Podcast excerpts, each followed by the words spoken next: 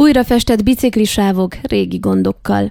Egyetértenek a kerékpározók abban, hogy van még mit javítani a székelyudvarhelyi biciklisávok minőségén, valamint ezek lefedettségét is érdemes lenne bővíteni, vélik az általunk megkérdezettek.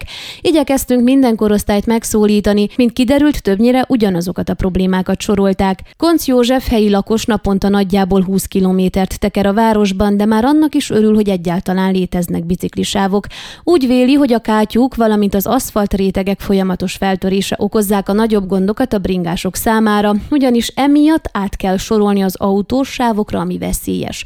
A Kossuth Lajos utcai biciklisávon elsősorban a járókelőkkel vannak problémák, mert nem veszik figyelembe a felfestett jelzéseket. László Hunor, aki szintén sokszor ül biciklire, már pozitívabban nyilatkozott. Bár az említett problémákat ő is tapasztalta, összességében szerinte viszonylag kényelmesen lehet közlekedni. Az autós forgalomban viszont veszélyt lát, akár csak Török Mária, akivel szintén a város utcáin találkoztunk. Ő sokszor félelmében inkább megáll a bicikliivel, így kerül el az esetleges balesetet.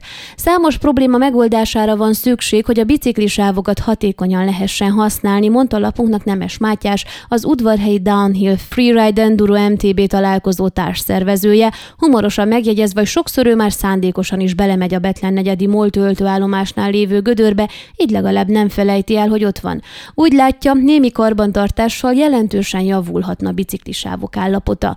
Ennél viszont aggasztóbbnak tartja, hogy számos biciklis nem ismeri a forgalmi szabályokat, ami nagy bajt okozhat, ha az autósok sem figyelnek.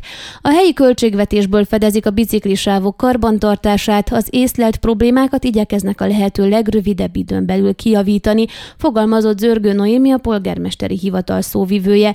Idén már újra festették a sávokat, ugyanakkor Zörgő Noémi hangsúlyozta, két nagyobb beruházásra is készülnek, amelyek részeként több utcát is újjáépítenek, illetve 18 utcában hoznak létre, illetve korszerűsítenek kerékpárutakat.